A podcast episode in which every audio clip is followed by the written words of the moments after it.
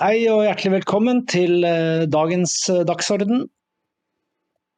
Dagens tema er eh, diverse variasjoner rundt klimagalskapen. Og da er det jo selvsagt vår klimaekspert Kent Andersen som er min gjest. Velkommen, Kent.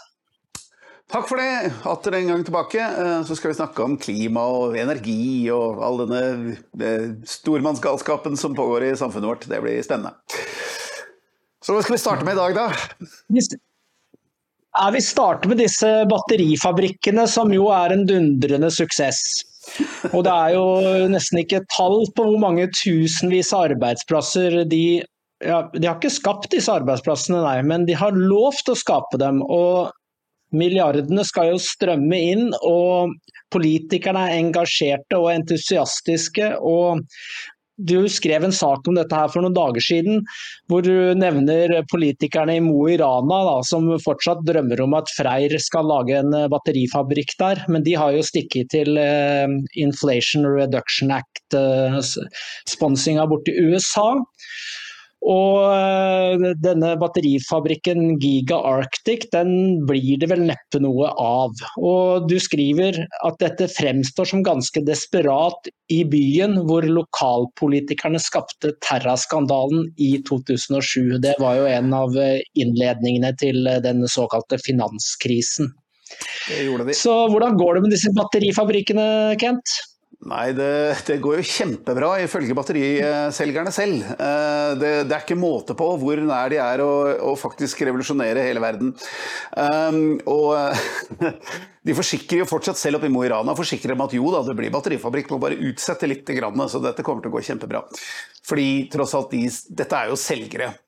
Uh, vi har altså fire batteri um, Vi har fire batterieventyr gående i Norge. Uh, det er visst flere som har tenkt på dette, men det er i hvert fall fire som det er noe substans i. Og det er Giga Arctic i Mo i Rana, det er Morrow i Arendal, det er um, Elinor Batteries i Orkdal. Og så er det Beyonder i Stavanger, som vi alle sammen har skrevet litt om.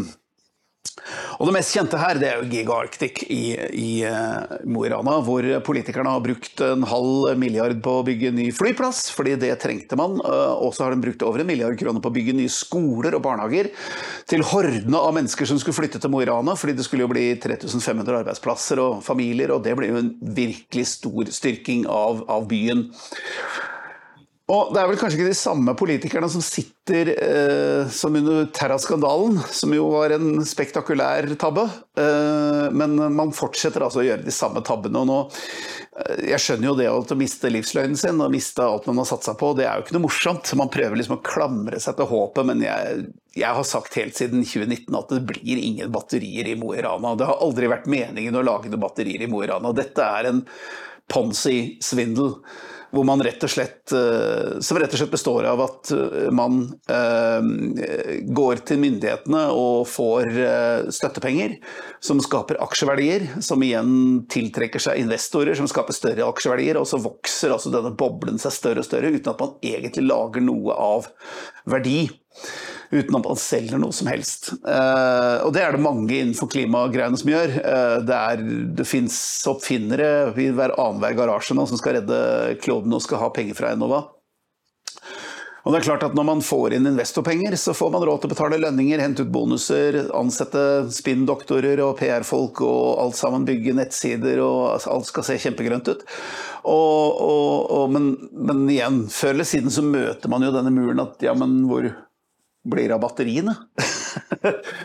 og det blir ikke noe batteri. Eh, så de har bygd masse, og det er, det er, mye styr, men det blir ikke noe batteri. Og nå har de også flykta til et sted hvor det altså blir flere, flere subsidier, og jeg antar at de kommer til å fortsette med Ponzi-svindelen. Det er sånn, eh, det vil jeg tro. Jeg, jeg, tror personlig, uten at jeg kan bevise det, at det aldri har vært meningen å lage et eneste batteri. Det, det tror jeg ikke. Så ja. Så det var eh, Mo i Rana.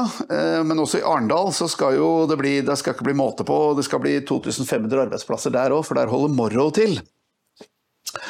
Og det ble etablert i 2014, som så mange andre av disse Altså etablert når klimasaken begynte virkelig å ta av i 2015.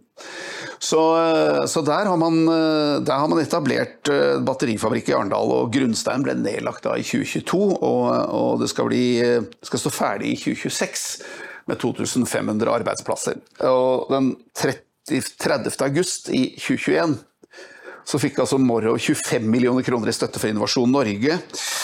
Og i mai 2023 mottok selskapet 567 millioner kroner i konvertibelt lån fra sine fire aksjonærer. Så ja, det har strømmet med penger, så de har liksom råd. Men uh, pussig nok så er det ikke nok. Tro det eller ei, det er ikke nok. Så, så, de har altså signalisert at, eh, at uh, det er vel um, de trenger skattepenger for å virkeliggjøre da Støres ambisjoner. Fordi altså, er ikke, Batteriene er jo ikke etterspurt av eh, norske forbrukere, de er etterspurt av politikere. Det er jo de som vil ha disse batterifabrikkene. Uten at noen kan forklare hvordan Norge egentlig kan konkurrere med internasjonale batterifabrikker som har holdt på med utvikling i 30 år og har know-how, og de har ressursene, og de har bakgrunnen, og de har kundene og alt sammen. Så, så hele det norske batterieventyret har jo ikke noe fundament, egentlig.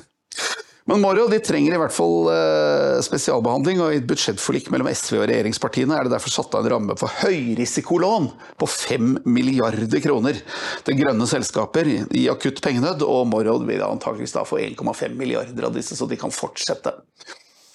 Så um, ja. Um, så nå blir det batterier.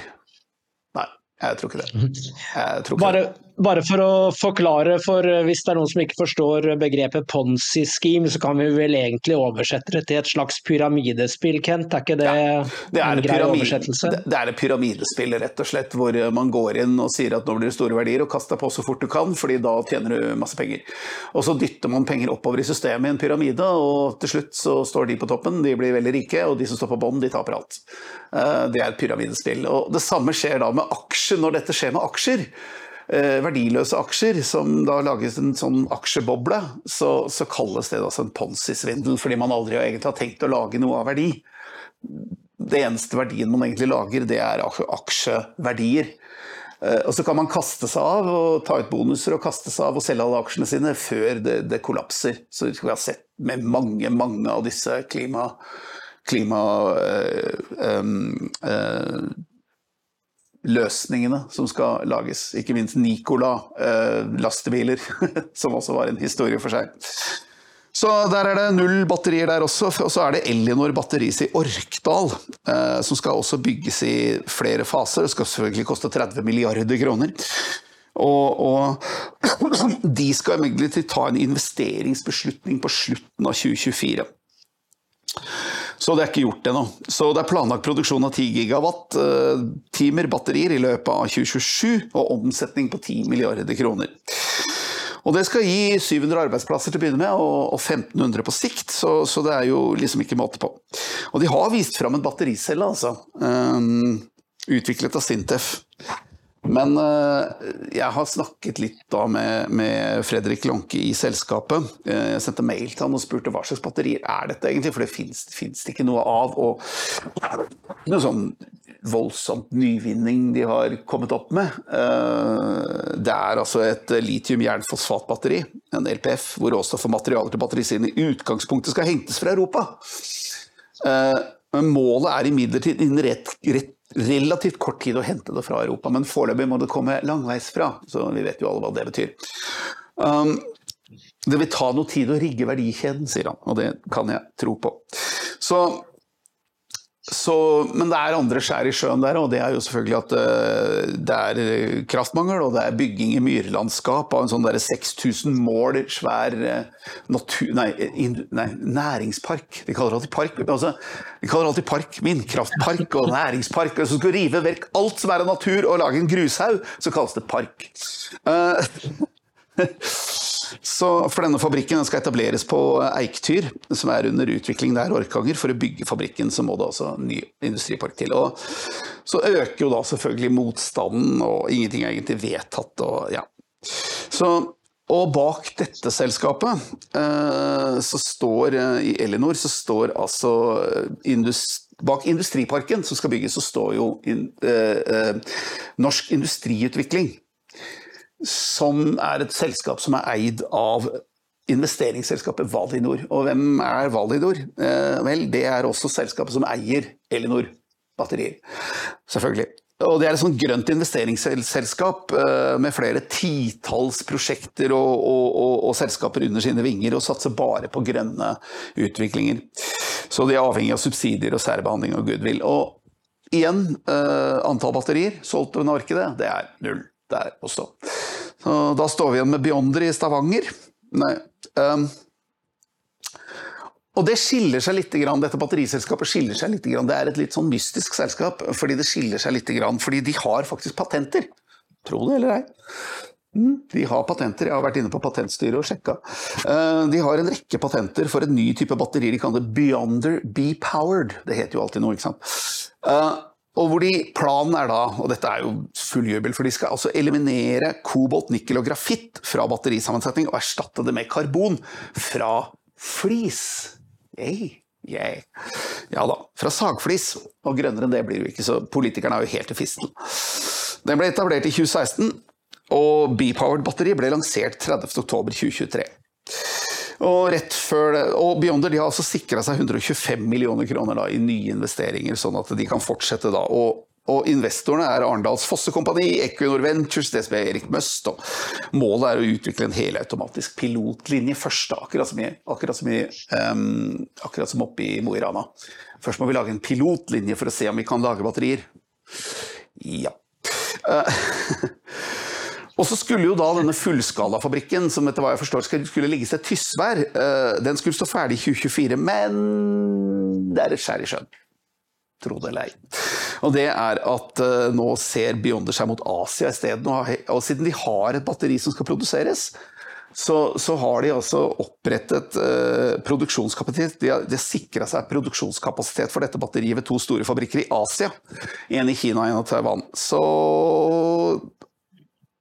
da spørs det vel at det blir noen batterier der oppe på Norge. Så altså, de har på en måte flykta til utlandet, etter hva jeg kan se. da, Men de har altså faktisk et produkt, i motsetning til de andre. Så de har faktisk utvikla noe nytt. Så ja, der har vi det. Ja, De sikrer seg jo på en måte godt da, når de etablerer seg både i Taiwan og i Kina, kan man si. Jeg kom til å tenke på Mo i Rana. ikke sant? De har jo en historie. og Jeg bare ville nevne det på slutten her at når jeg var guttunge, så var jeg interessert i økonomi, og så leste jeg Kapital.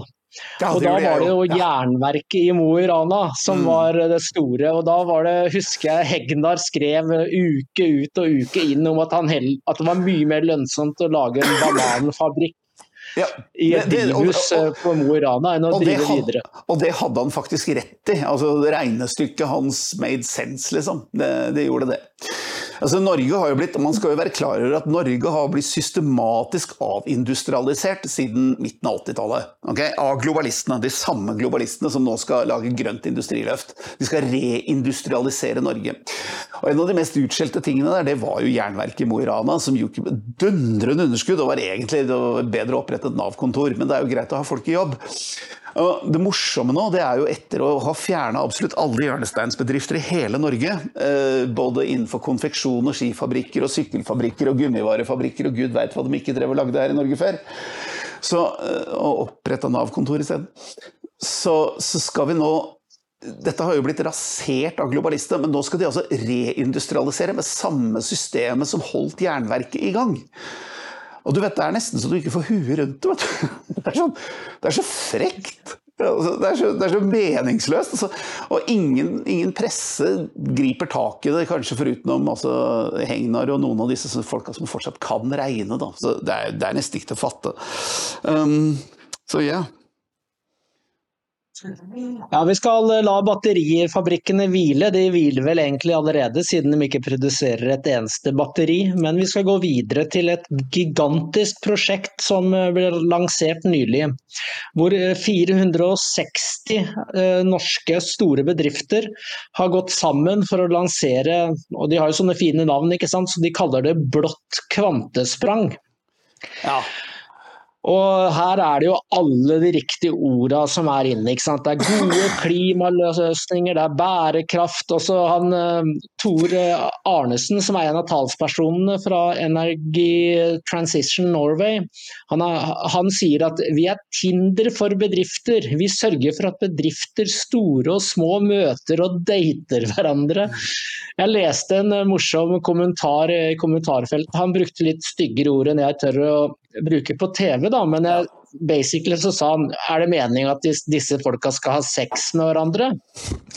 Og da tenkte jeg med en gang at det, det, det, det Noe sex blir det, men altså det som disse gutta her får uh, utløsning av, det er statlige subsidier.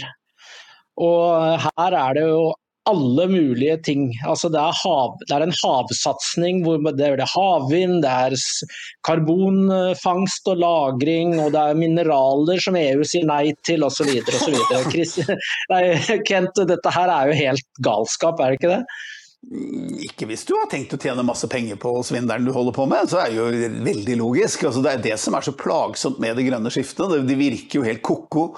Men hvis du begynner å se på tallene som de initiativtakerne sitter igjen med av lønninger og bonuser og utbetalinger og alt mulig rart, så er det jo genialt. Altså jeg mener, eh, jeg, jo, jeg snakket jo om dette på et lokallag i går. og, og man skal være klar over at det grønne skiftet er jo en bobleøkonomi. Og Bobleøkonomier det skapes når man lager for høye forventninger til eh, aksjer som egentlig er verdiløse. Eh, og dette er jo kjent fra børskrakket i, i, i um, 1929, og det er kjent fra det store eh, krakket i 1987. Det var jo det var jappetiden gikk nedom og hjem, for oss som var med på det. Og um, så var det jo selvfølgelig da i, i 2000, år 2000 så kom jo dotcom-krasjet. Eh, hvor det var masse firmaer som aldri betalte lønn til folk, isteden fikk de aksjer. Det var jo strålende. Eh, og så kom jo da altså den store finanskrisen i 2008. Og um, altså Felles for alle disse, disse, boblene det er jo at man har kapitalkrefter som egentlig får fri tilgang på en pengekilde, og bruker den til å jekke opp aksjeverdier og forventninger til aksjer.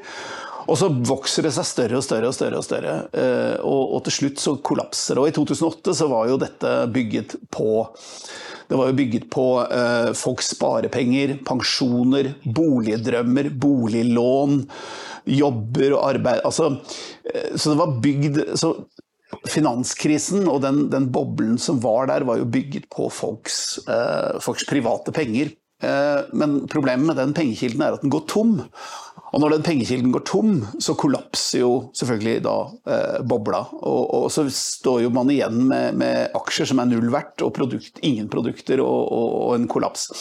Og det er denne kollapsen som ikke egentlig rammet Norge så fryktelig hardt. Eh, den rammet USA grusomt hardt. Eh, og det er jo grunnen til at Trump i dag er et fenomen. Fordi det var jo ingen som ble arrestert, og ingen som ble, som ble putta i fengsel. Ingen ble tatt på tiltalebenken, og alle lo hele veien til Island. Og de lærte de mye av. Men denne klimaboblen, der har man også fått en ny pengekilde som er enda bedre, og det er altså offentlige penger. Fordi de som skal, Staten sier vi kan, bygge, vi kan ikke bygge klimaløsningene, det må det private næringslivet gjøre. Private næringslivet sier det kan vi gjøre, men siden det haster så fælt, så må, ha, må staten stille opp med risikoavlastning. Så de klør hverandre på ryggen og gir hverandre penger, og så, og så pumper de altså opp aksjeverdier på egentlig ting som er fullstendig verdiløst. Sånn som batterifabrikker og vindkraft og hydrogenfabrikker og hurra meg rundt og alt de skal drive og lage av disse klimaløsningene, ikke minst karbonlagring. Så, men det er klart at alle som sitter i næringslivet, de ser jo mulighetene her. De gjør jo det. Og det er derfor 460 av Norges største bedrifter, Equinor inkludert, hvor det sitter tallhoder som ikke er interessert i grønt i det hele tatt, og driter fullstendig i både natur og, og miljø, og, og, klima ikke minst. Eh, de tenker bare på profitt og aksjeverdier. Og det er derfor de går sammen, 460 av Norges største bedrifter. Så, så en ny supersatsing. Så det var ikke nok med at vi fikk liksom eh, grønt industriløft, eller 1-0, og fikk til og med grønt industriløft 2-0, eh, hvor hvor de har altså lovet bort 15 milliarder skattekroner til vindkraftnæringen og, og, og andre satsinger. Men nå, nå, kommer altså da blått kvantesprang. Og hvor mye minner dette oss om Maos store sprang forover? Rekk opp hånda, den som kan historietimen. Hva sier du? Jo, det, det, er så morsomt, for det, det, er sånn tenk på et tallopplegg. Hele, jeg har lest meg gjennom hele prospektet, som er uh, fancy utformet uh, på sånn powerpoint-presentasjon. Masse piler og graser som peker oppover. Ja, de skal ut Jeg skal bare lese hovedpunkten her, for dette, det er ganske interessant. De skal utvikle en verdensledende havbasert verdikjede i Norge. De skal altså skape en ny verdikjede.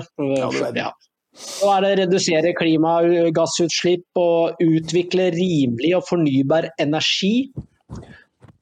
Og så drive Norge mot toppen av det grønne skiftet. og så masse sånne ord med systematisk og nasjonalt samarbeid. Og her lukter man jo en gang, med en gang at det betyr offentlige subsidier. Og så og så er det Målet er så hårete at det er nesten ikke til å tro, for det skal bli det største industrielle løftet i Norge siden Gerhardsen proklamerte Norges suverenitet over kontinentalsokkel i 1963. Og så med litt liten skrift litt lenger ned, ja, og så må staten ta halvparten av utgiftene. Ja, altså det er bare sånn det fungerer. Altså, altså skattebetalerne. Ja, dette er også en ponzi-svindel, bare at den er blitt enda større. Fordi du kan ikke utvikle en verdensledende havbasert verdikjede. Det finnes ingen verdikjede i havvind. Den, altså den, verdikjeden har kollapset for lengst. Havvind eh, det har gått nedenom og hjem i Danmark, i Tyskland, i England, og tallene er helt katastrofale. Og I Norge så skal man i tillegg bygge flytende havvind, som er enda dyrere og ha dårligere kalkyle. Så det finnes ikke noe verdikjede i dette. Altså, I utgangspunktet finnes det ikke noe verdikjede når staten må stille opp med halvparten av pengene i subsidier. Hvor er verdiene hen da? Finnes ikke noe verdikjede. Den verdikjeden finnes bare for de 460 bedriftene som har lyst på subsidier. De skal redusere klimagassutslipp og utvikle rimelig og fornybar energi, ja. Men dessverre så er ikke vindkraft det er altså ikke rimelig. Og det er ikke fornybart heller. Vindmøller det er industrimaskiner. Dårlige, kortlivede tungindustrimaskiner som forbruker enorme mengder ressurser og varer veldig veldig kort. Og så må alt bygges på nytt igjen. Og det og det, det, går ikke an engang å resirkulere mye av disse, disse, vindmøllene. Sånn at det har ikke noe med fornybart å gjøre, og, og, rimelig kommer det altså aldri til å være. Fordi vindkraft er helt avhengig av en strømpris på minst 3 kroner kilowattimen. Det er jeg helt overbevist om. Sannsynligvis mye mer. Når du setter det på havet, så vil jeg tippe det kommer opp i 6 kroner kilowattimen for, for at det skal virkelig gå rundt på ordentlig. Etter normal etter normal kalkyle og økonomiske eh, regler. Og skal de drive mot, Norge mot toppen av det grønne skiftet. Ja, men der er vi alt. Fordi det finnes ikke noe land i, Norge, i, verden som bruker så mye tid og penger på det grønt som Norge. Norge er fullstendig infiltrert av klimapolitikk, slik Sverige er fullstendig infiltrert av, av gjennomsyra av innvandringspolitikk. Så det går ikke an egentlig å komme noe verre. Um, og, det er allerede et systematisk nasjonalt samarbeid på tvers av miljøer. Og disse miljøene består i veldig stor grad av politikere og næringsliv hvor næringslivet eh, trenger penger, og politikerne gir dem penger, og disse møtes på Arendalsuka. Du, du, kan ikke lenger se hvem som er hvem av dem. Du kan ikke det. Så gjennom korrupt har det blitt. Dette, dette offentlig-privat samarbeid har blitt det offentlig-privat samleie, rett og slett. Det har det blitt. Sånn at eh, det fins rett og slett ikke noe Det fins ikke noe hva skal vi si, hvis du, hvis du, bruker normale kalkyler og normale regler innenfor næringsliv og, og, um, og, og, kapitalisme, så har jo ikke dette noe med kapitalisme å gjøre. Dette er svindel, ikke noe annet. Og det blir det største industrielle løftet siden regjeringen Gerhardsen, eller rettere sagt siden Støre proklamerte sitt grønt industriløft, fordi nå kommer det jo sånne store kvantesprang. Femårsplaner, eh, det store spranget fremover og, og politiske vedtak om at, om at, verden skal bli grønn og, og, dette skal lønne seg voldsomt. Og vi vet jo, altså Dette er sosialisme, det er ingenting annet. Dette er planøkonomi, og det er det det er. Og det er planøkonomi fra DDR og fra Sovjetunionen. Det er alt det er. Hvor rett og slett staten bestemmer hva som skal bygges og staten betaler for det. Og sånn ender vi opp med batteritrabanter og, og, og, og, industri som ikke lønner seg. Det er kjempeskummelt, og det ser ikke ut til å stoppe nettopp fordi dette er en bobleøkonomi, og her kaster 460 uh, store bedrifter seg på for å holde den, den bobleøkonomien oppblåst så lenge som mulig, fordi igjen eh, pengekilden til denne bobleøkonomien er endeløs. Sånn at man kan egentlig holde på i all evighet og tjene så mye penger man vil. Men for samfunnet generelt så er jo dette en katastrofe jo lenger det går. Det er det jo. Fordi vindkraft kan ikke lage, kan ikke lage overskudd av strøm, det lager strømmangel, rett og slett. Jeg har merka meg at Ståle Kyllingstad, han er jo eier og grunnlegger av IKM og en oljeentreprenør egentlig, som har tjent seg styrtrik på fornuftig industri. Han er jo med i dette her, men selv han klarer jo ikke å, å, hevde at dette her ikke er uten risiko. Så han svarer ganske ærlig da, på det. At uh, det er ikke sikkert at powerpoint-presentasjonen er så er virkeligheten. Men det er nok en gang jeg tenker på et tall. De, de sier det at uh, havvind skal bli halvparten så dyrt som i dag. Og da, selv Aftenbladet, Stavanger Aftenblad er ganske gode på disse temaene her. Da. Det skal de ha ære for. De sier at Men hvordan kan de påstå at eh, havvind skal bli halvparten så dyrt å bygge, når de ikke har noen innflytelse på de tingene som driver kostnaden? Altså råvarene og logistikken og materialene og alt mulig sånn. Det er jo bare, det er bare Rent sludder.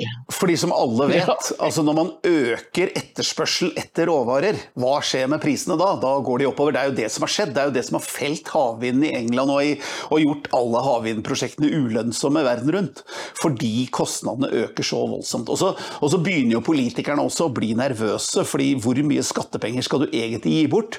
Fordi det er klart at du ender jo opp med at ok, når du bruker 15 milliarder kroner på klimatiltak, så blir det 15 milliarder milliarder mindre til pensjoner, til helsevesen, til politi, til asfaltering av gater. Til å opprettholde samfunnet og velferdssamfunnet. Altså, det, dette, er, dette, er, helt meningsløst. Man sier at nei, man, kan ikke, man kan ikke holde svake grupper opp mot hverandre, sier man veldig ofte når man diskuterer økonomi i politiske kretser. Men politikk handler ikke om noe annet enn å prioritere, enn å holde svake grupper opp mot hverandre. Det er det politikk er i prinsippet. Sånn at hele argumentet er meningsløst. Hvis du, bruker, hvis du bruker 1000 kroner der, så må du bruke 1000 kroner mindre der. Det vil si, bortsett fra hvis du er en oljenasjon. Og det er jo grunnen til at dette kan fortsette, er jo at man soper inn så mye penger fra norsk petroleumssektor at man kan egentlig sløse så mye man vil og gjøre alle rike. I hvert fall alle som teller. Yes.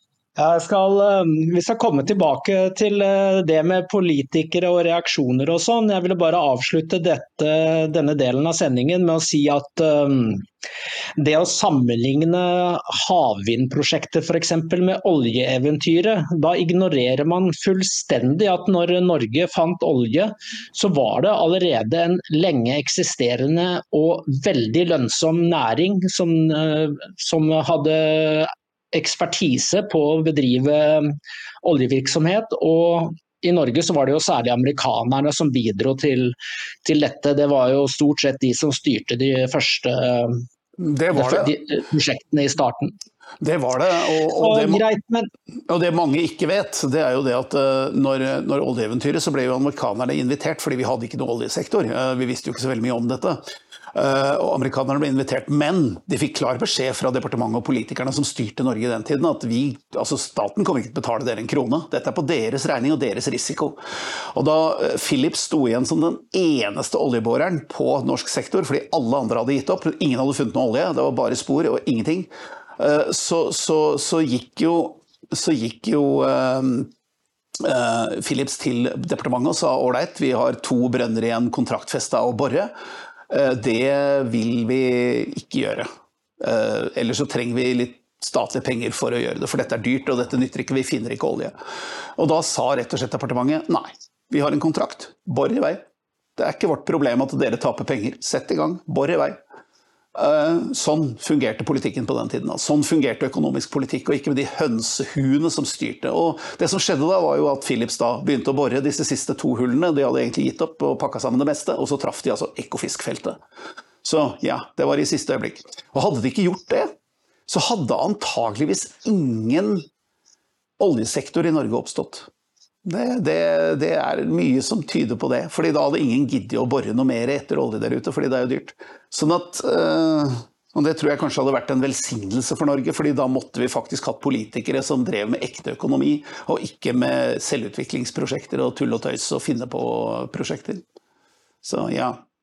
ja. Um, vi skal snakke litt om uh, at det er enkelte som begynner å reagere på, på, det grønne skiftet og det som dette vil medføre for oss vanlige borgere. Men først skal vi se et lite klipp. Ja. Hei!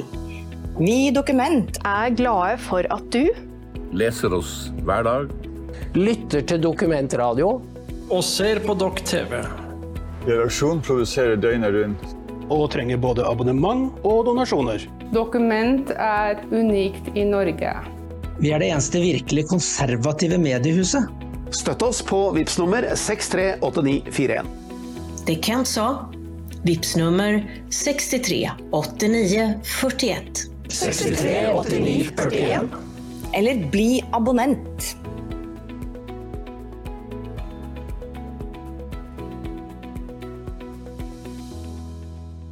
Er du lokallagsmedlem?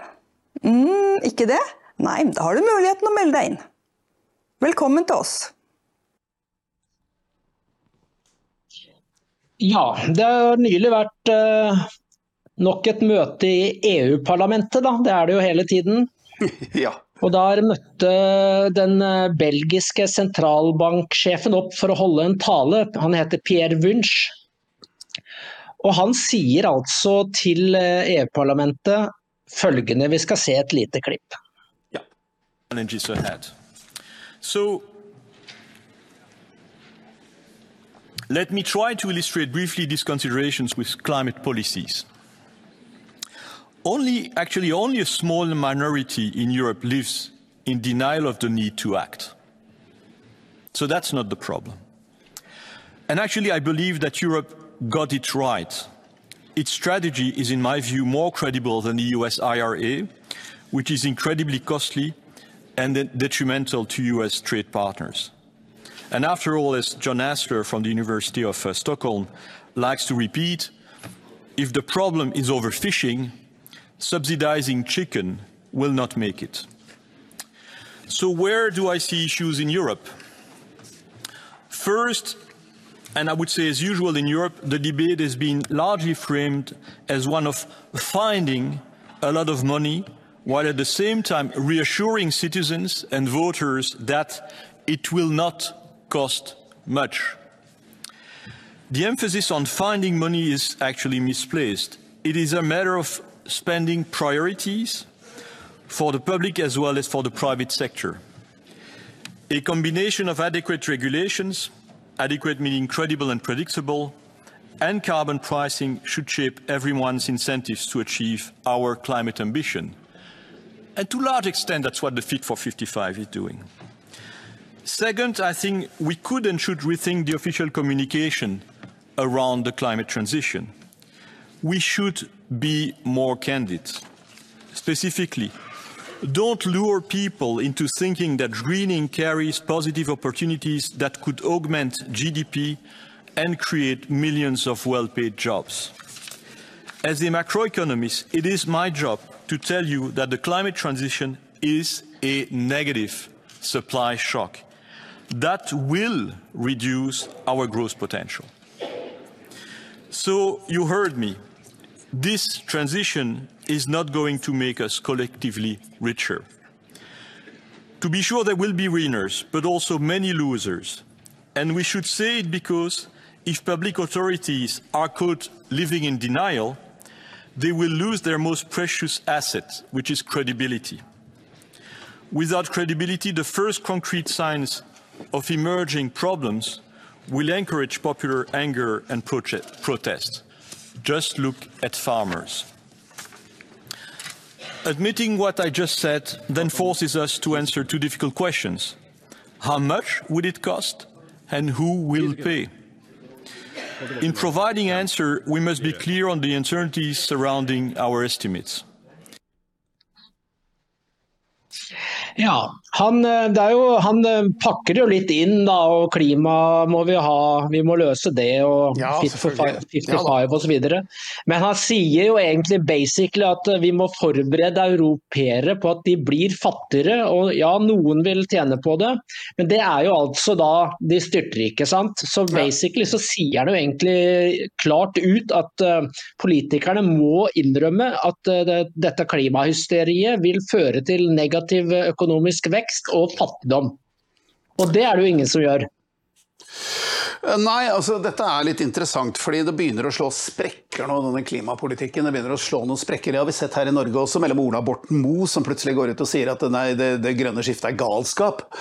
Uh, allikevel så valgte han å gå inn i regjeringen og føre politikken som han selv mener er galskap, og det kan man jo si en hel del om, så jeg skal skrive en artikkel om det. Men, men det er interessant at klimaindustrien og, og, og, deres uh, hva skal vi si, medløpere begynner å, å, å, å flakke med øynene. Eh, det er det. Altså, når han sier at eh, noen få ikke tror på klimaendringer og klimakrisen, så er ikke det sant. Eh, Omtrent halvparten av norske befolkningen tror ikke noe på denne menneskeskapte klimakrisen. Og, og, og det er nesten helt ufattelig, for Norge er et av de aller, aller mest propagandautsatte landene. Så all ære til nordmenn for det. Eh, og, der, og klimaskepsisen øker selvfølgelig i, i hele Europa, til tross for at man har farget alle værkartene knallrøde og sier at hver eneste lille skogbrann og gressbrann og, og, og varm sommerdag er bevis på og tegn på klimakatastrofe. Så, så man reiser rundt og, og, verden rundt og finner disse katastrofene som er nyttige som et sånt tegn på at nå er verden i ferd med å gå under. Men det, det, det skjer jo ikke. Og folk har jo hørt dette nå i 30 år, og det er klart at voksne folk begynner å si unnskyld meg, men ok, eh, hvor lenge skal dere holde på å si dette? Eh, når blir det tydelig? Løvsprett i Norge var i, rundt eh, den 10. mai i eh, 1924, og det er fortsatt løvsprett i mai rundt den 10. mai eh, nå i 2024. Sånn at eh, disse voldsomme, store og raske endringene, de, de ser vi lite til. Og det er jo det som skaper klimaskepsisen, for det er ikke noe sammenheng mellom hva politikerne sier og hva folk faktisk opplever der de har bodd mange år på samme sted. Og det andre, det er jo selvfølgelig at øh, øh, det ingen av disse klimapolitikerne tør å si ennå, det er jo sannheten. Det er at disse klimatiltakene kommer ikke til å virke.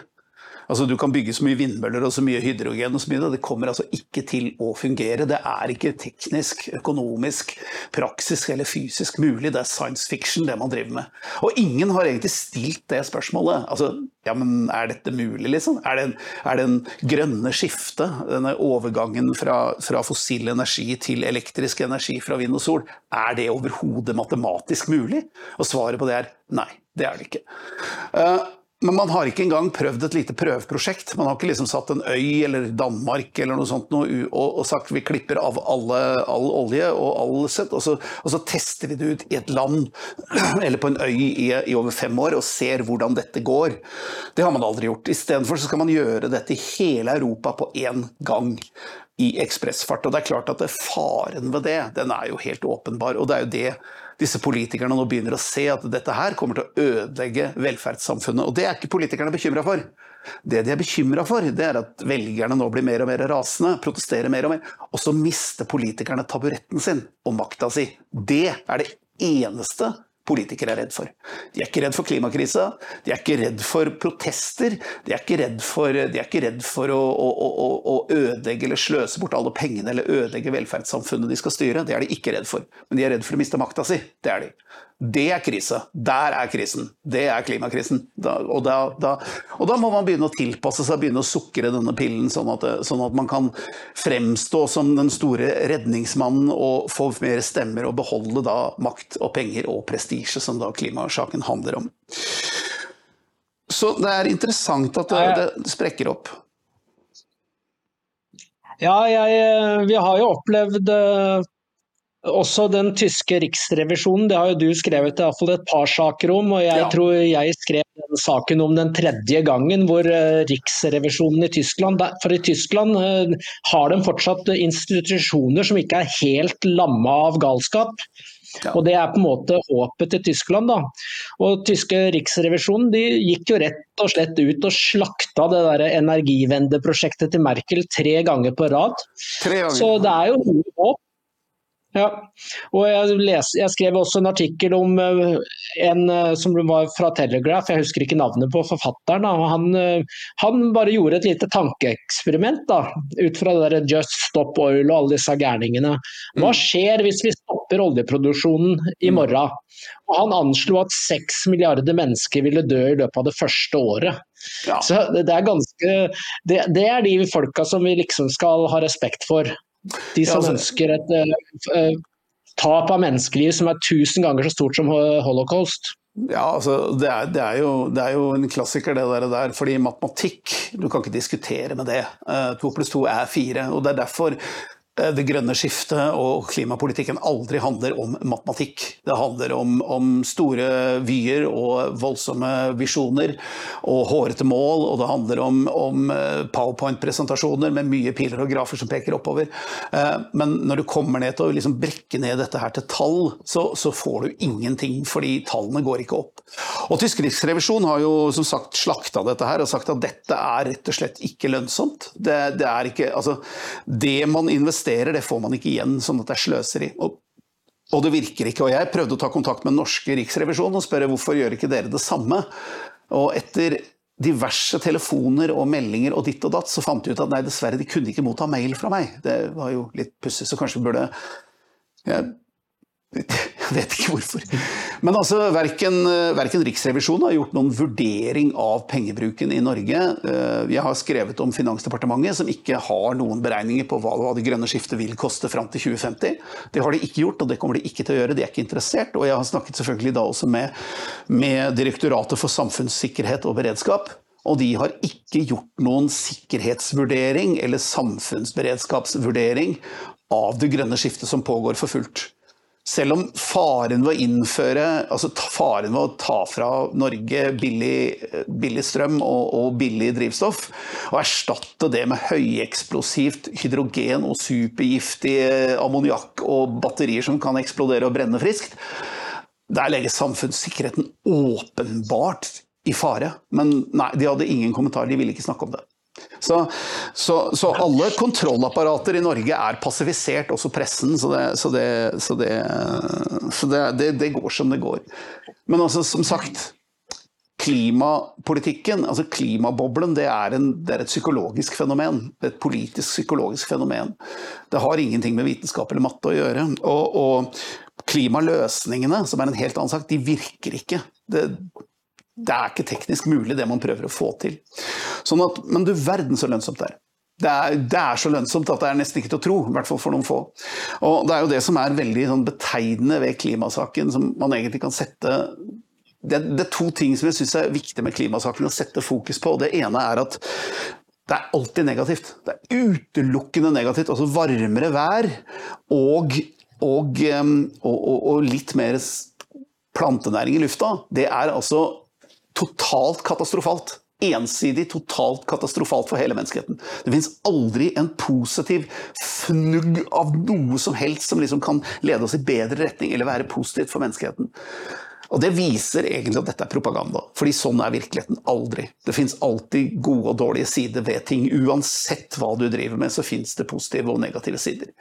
Og Det andre det er selvfølgelig hvor denne katastrofen som liksom lumer der ute, som er en naturkatastrofe, akkurat som jordskjelv eller orkaner eller vulkanutbrudd, den er altså ubegripelig lønnsom.